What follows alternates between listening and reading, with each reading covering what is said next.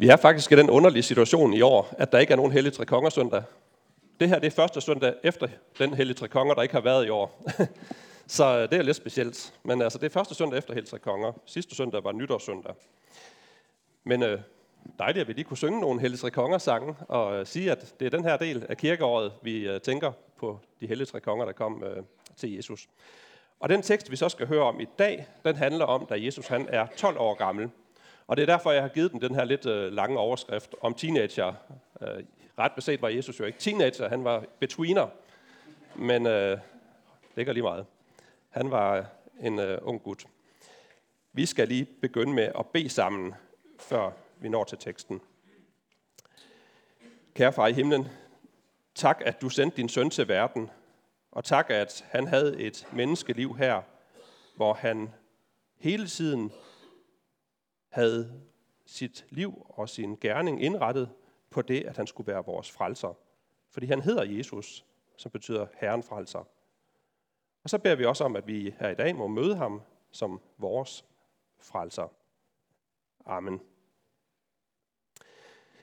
Ja, søndagens tekst den øh, står i Lukas evangeliet kapitel 2, det samme kapitel som juleevangeliet. Det her det er bare det sidste vers. Det er vers 41-52 til 52. Der står, hvert år tog Jesu forældre til Jerusalem til påskefesten. Også da han var blevet 12 år, drog de derop, som det var skik ved festen. Da påskedagene var omme, og de skulle hjem, blev drengen Jesus i Jerusalem, uden at hans forældre vidste det. I den tro, at han var i rejsefølget, kom de en dags rejse frem og ledte efter ham blandt familie og bekendte. Da de ikke fandt ham, vendte de tilbage til Jerusalem for at lede efter ham der, og efter tre dage fandt de ham i templet, hvor han sad midt blandt lærerne, lyttede til dem og stillede dem spørgsmål. Alle, der hørte det, undrede sig meget over hans indsigt og de svar, han gav. Da forældrene fik øje på ham, blev de slået af forundring, og hans mor sagde til ham, Barn, hvorfor gjorde du sådan mod os? Din far og jeg har let efter dig og været ængstelige. Men han sagde til dem, Hvorfor ledte I efter mig? Vidste I ikke, at jeg bør være hos min far? Men de forstod ikke, hvad han sagde til dem. Så fulgte han med dem tilbage til Nazareth, og han var lydig mod dem. Hans mor gemte alle ordene i sit hjerte, og Jesus gik frem i visdom og vækst og yndest hos Gud og mennesker. Amen.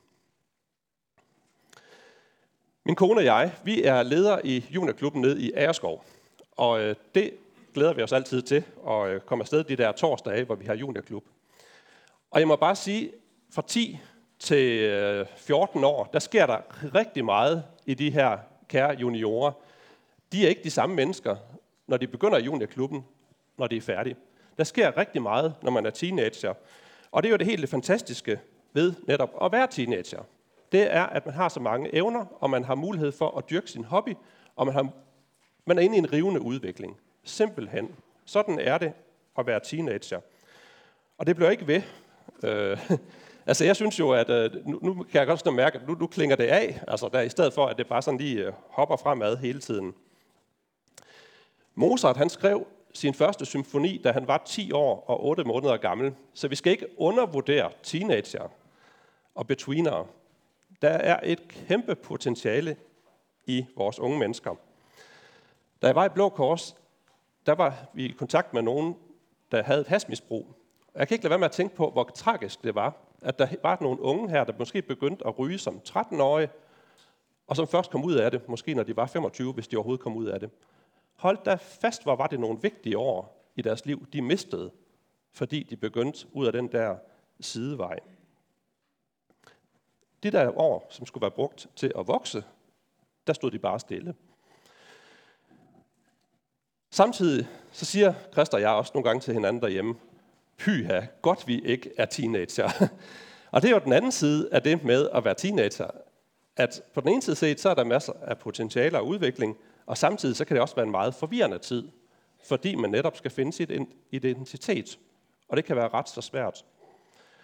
Vores øh, datter, som er på efterskolen nu, hun øh, var lidt nervøs for den her weekend, fordi øh, mange af de veninder, hun har, de var ikke på skolen i weekenden. Og så sagde hun, ja, og hvem skal jeg så sætte mig sammen med, når vi skal spise? Og det kan jeg godt genkende fra mig selv som teenager, at når man er betweener og teenager, så er det ikke sådan helt naturligt, at man sidder sammen med sine forældre længere, men så skal man måske finde nogle venner at sidde sammen med. Og den der proces med at finde sig selv, den kan være ret så svær. Man begynder også at kigge på sig selv udefra, og, sådan at se, at hvordan ser jeg egentlig ud, og hvordan passer jeg sammen med de andre, og, og hvad duer jeg til. Og det kan være ret så svært. Og så nogle gange også det her med, at man øh, har behov for at trække sig, og ens forældre tænker, okay, han tilbringer godt nok meget tid alene nu. Samtidig med, at man også egentlig har brug for, at der er nogle voksne, som man kan snakke med og spille bold op af. Det jeg bare prøver at sige, det er, de her between-år, de her teenage-år, de er bare så vigtige. Og det må I gerne høre, jer som er betweener og teenager, og det må forældrene gerne høre. Det er virkelig nogle vigtige år. Derfor kan jeg også blive rigtig ked af det, når jeg synes, at vores samfund og den samfundsudvikling, vi står i, gør det svært at være teenager, og gør det svært at finde sit identitet. Og rigtig meget af det, det er simpelthen medieskabt, og det er skabt gennem sociale medier. Det er sådan en hel epidemi, der gør, at man grundlæggende er usikker. Jeg kan anbefale en amerikansk journalist, der hedder Abigail Schreier. Hun har et par foredrag på YouTube, hvor hun prøver at analysere den situation, som rigtig mange teenager de står i. I kan godt få linket af mig her bagefter. Ja, vores år er dyrebare, og det er vigtigt, at vi får godt begyndt på livet. Jeg kan sige for mit eget vedkommende, at det var faktisk lige netop, da jeg var teenager og betweener, at jeg første gang mødte Jesus. Jeg havde mange gange hørt om Jesus, og jeg havde også godt kunne se, jamen, jeg er en sønder. Altså, selvfølgelig er jeg ikke, som jeg skal være. Det kunne jeg godt se hos mig selv. Og jeg kunne godt gå hen og høre det hen i kirken. Men det var også i de her rigtig vigtige år, at jeg første gang gik op for mig. Hold da fast. Jesus, han elsker mig. Han vil have med mig at gøre. Og så kunne jeg bare få lov til at lægge mit liv over i hans hænder. Og det, det gav bare sådan for mig som teenager, fra at være forvirret, så fik jeg ligesom sat en, en retning. Og så har jeg forresten haft brug for at høre det ord resten af livet. Det er jo ikke sådan, at man gør det én gang, men det bliver ved med at være noget, man har brug for i nye faser af livet. Beretningen her, vi har læst, det er den eneste beretning, vi har, hvor Jesus han bor hjemme hos sine forældre. Det er det eneste, vi får at vide fra hans teenageår. Jesus han skal ikke finde troen på Gud, fordi han har Gud som far. Men han skal have sat en retning i sit liv. Og det er helt tydeligt, at den, er han inde, den, den proces er han i gang med. Det er det, vi møder i dagens tekst. Det er derfor, jeg synes, vi skulle synge den her sang her. Der, der, der er den her ene lindet, men han måtte tidligt lære, at det var et smertenavn. Jeg tror, Jesus han tidligt fandt ud af, den vej, som Gud ønsker, jeg skal gå, som min himmelske far ønsker, jeg skal gå, den kommer også til at involvere noget smerte. Hans vej, hans teenageår var ikke lettere end dine. Jeg tror faktisk, de var sværere. Jeg tror, det var sværere. Lad os se, hvad det er, der står i, øh, i dagens tekst. Nu er jeg selv den type, da, da vores børn var mindre, så kunne jeg nogle gange lige kigge om på bagsædet og lige tælle dem, om jeg nu også havde dem, fået dem alle sammen med. Øh, sådan er det at være lidt distræt. Og jeg har faktisk formået at glemme at få en af dem med ud af bilen, hvor der sad en tilbage, og jeg kunne simpelthen ikke forstå, hvor hun var henne, men så var det ikke, fordi jeg var kommet til at smække døren. Hvis det nu bare var Josef, der havde glemt Jesus i Jerusalem, så kunne man måske forstå det. Men der står faktisk, at det er begge forældre. Og der står, at de når en hel dag frem, før de finder ud af det. Jeg ved godt, at der var andre søskende. Vi ved, at Jesus havde andre søskende, så de har måske også sådan bare tænkt, at der er jo der en del her. Og så har de måske også tænkt, jamen Jesus, han plejer det jo aldrig at være problemer med. Jesus, han plejer faktisk altid. Vi ved, hvor han, vi har ham. Så ham har vi styr på. Han er der helt sikkert et eller andet sted. Øh, så de har ikke tænkt så mange tanker omkring det. Og så alligevel, så går der en hel dag, før de finder ud af, at Jesus, han mangler. Jeg tror, det er en af grundene til, at vi har beretningen med i Bibelen. Så da de så kommer til Jerusalem, så kan man så tænke, jamen hvis nu Jesus han ikke var der, så har han da helt sikkert knyttet til hos nogle af deres slægtninge og venner, Altså sådan, at han var nem at finde. Øh, det, det er oplagt. Men der er altid nogle steder, man kigger først. Og så finder de bare ud af, at han er ingen steder. Han er ingen af de steder, man kunne tænke sig, han kunne være. Og der går tre dage. Altså øh, på det tidspunkt her i Danmark, der vil man være efterlyst alle mulige steder i avisen og i radioen, og politiet vil have helikopter ude for at lede efter sådan et forsvundet barn efter tre dage. Og så er det så, at de kommer op i templet. Og der finder de ikke en forgrædt dreng. En dreng, som længes efter sine forældre, og som bare har savnet dem. De møder heller ikke en Jesus, som angrer, hvad han har gjort. Som sådan siger, undskyld, kære mor og far, ej, det, det er jeg virkelig ked af, at de har skulle lede så længe efter mig.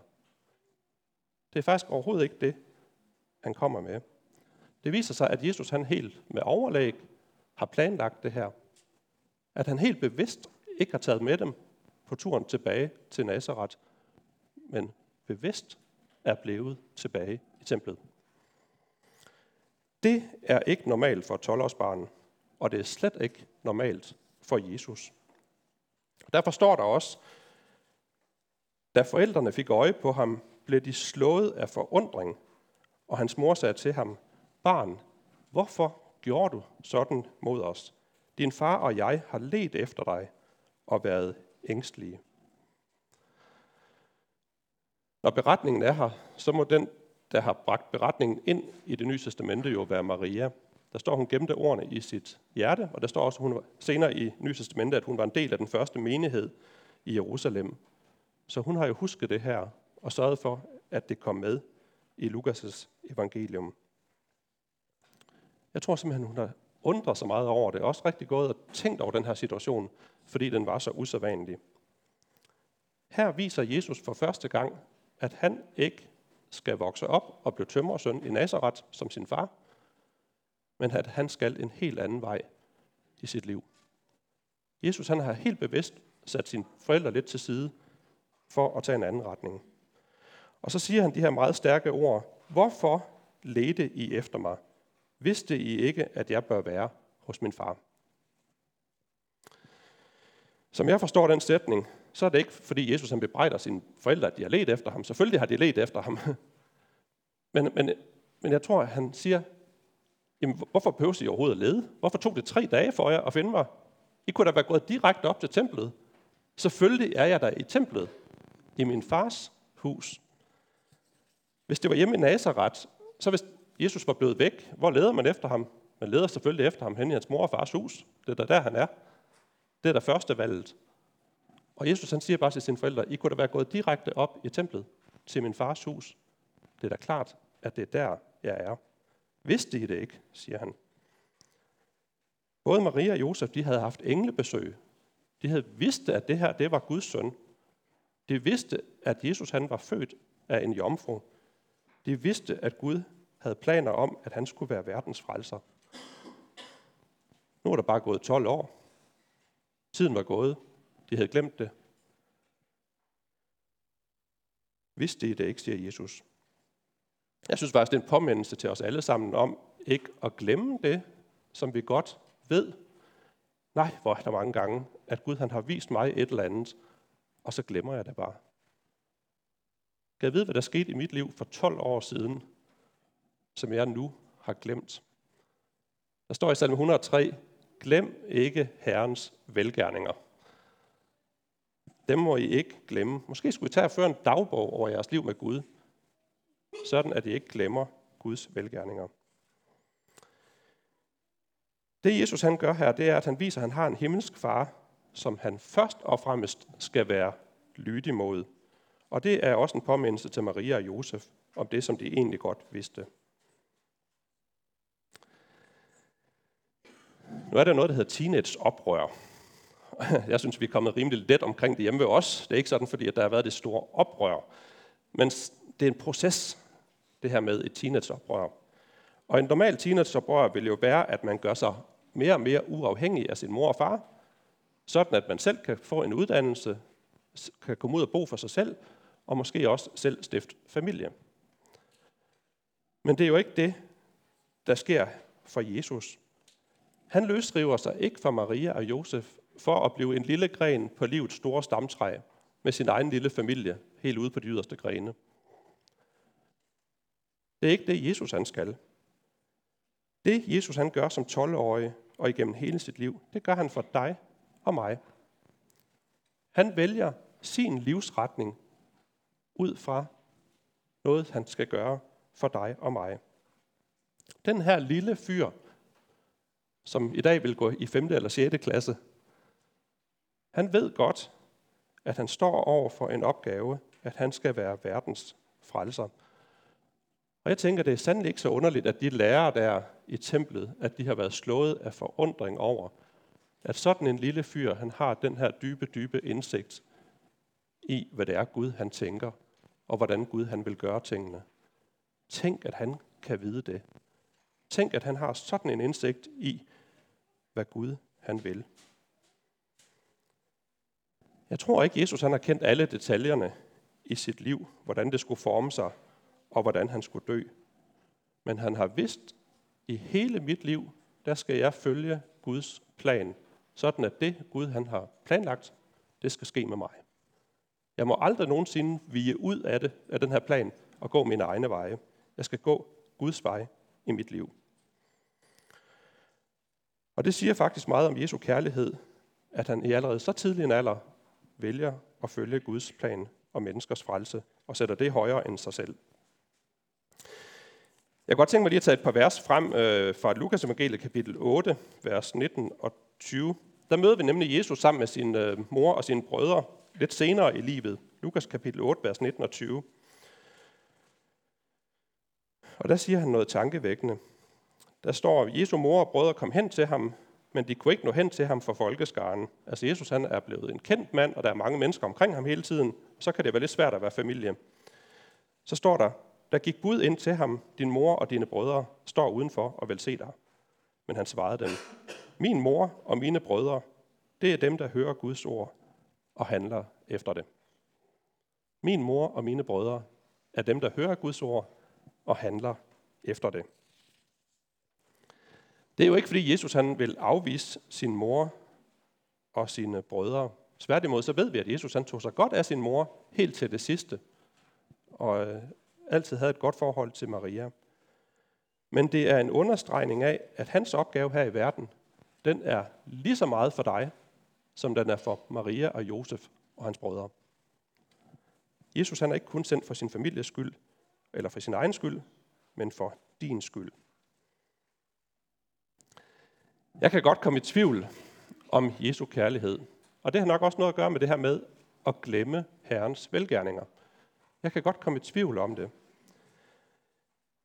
Og så kan man jo læse i evangelierne om Peter, der går ud på vandet og begynder at kigge på bølgerne, i stedet for at se på Jesus. Eller man kan tænke på Peter, der kommer til Jesus og siger, jeg er en syndig mand. Han begynder at kigge indad, og så siger han, Jesus, du må gå bort fra mig, for jeg kan ikke være sammen med dig. De begynder at kigge alle mulige andre steder hen end på Jesus. Og så er det, man begynder at tvivle på Jesu kærlighed. Men i dag, der skal vi se på Jesus. Og det er jo det, vi gør.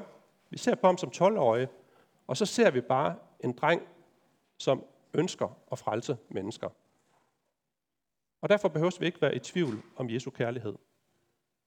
Den her lille 12-årige her, han, øh, han gør det her for din skyld.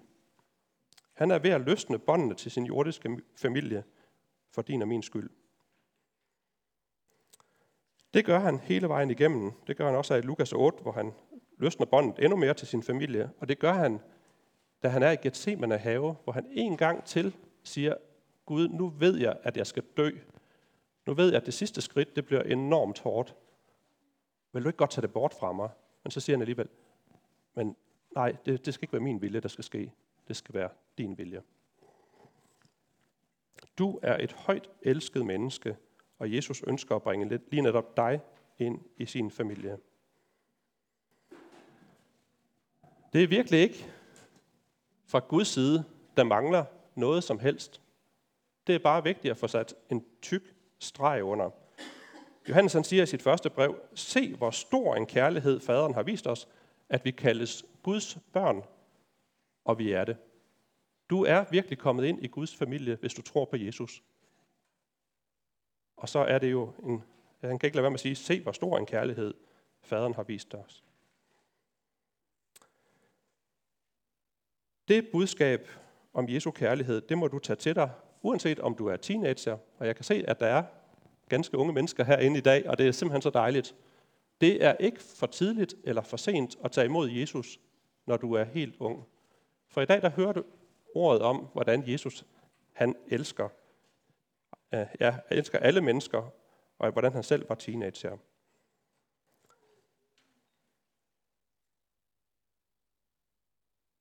Den vej, Jesus gik ind på, den førte ham helt til Golgata.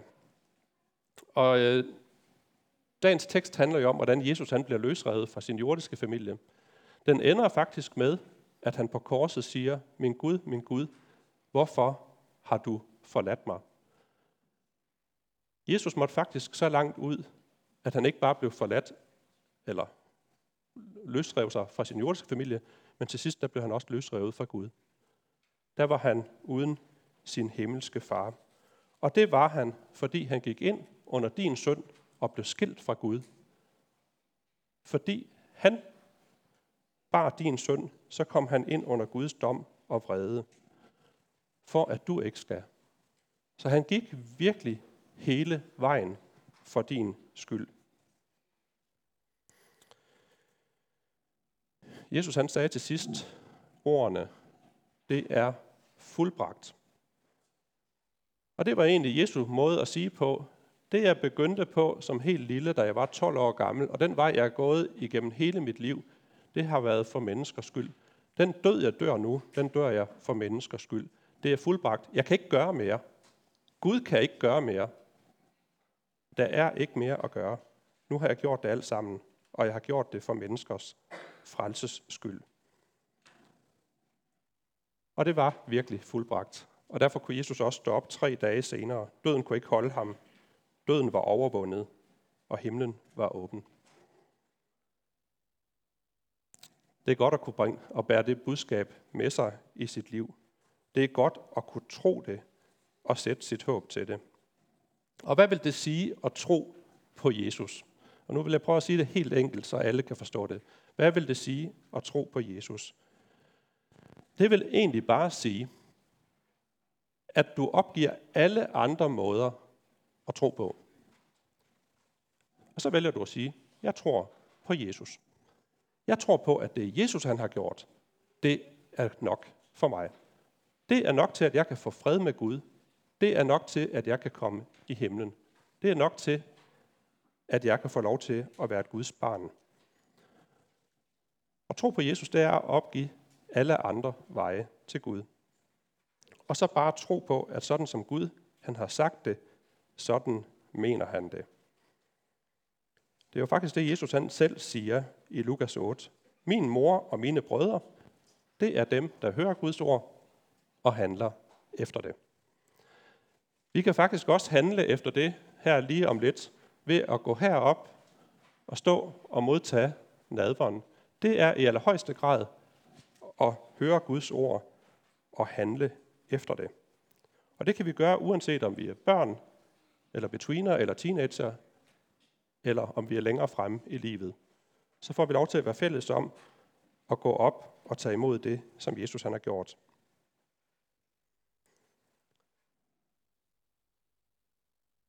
Det kan vi gøre, selvom det er første gang, og vi er måske ja, netop øh, er, er børn eller unge. Det kan vi også gøre midt i livet, når vi måske er trætte.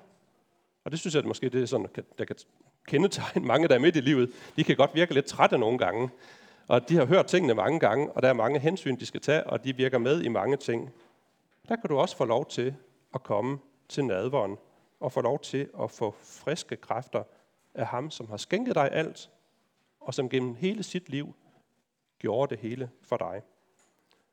Og det kan du gøre som ældre. Og jeg tænker, at hvis man er et ældre menneske, så er der måske mange ting i sit liv, som man har fortryder, at man har gjort. Og nu er det gjort, og livet er ved at være gået. Og hvad skal jeg så gøre med det, som jeg har med i bagagen?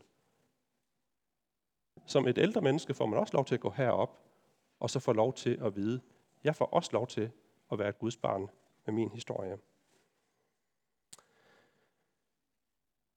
Så dagens evangelium, det er, at Jesus han skyder sin egen familie lidt til side, og så siger han helt tydeligt, det gør jeg for, at alle her kan få lov til at være en del af Guds familie.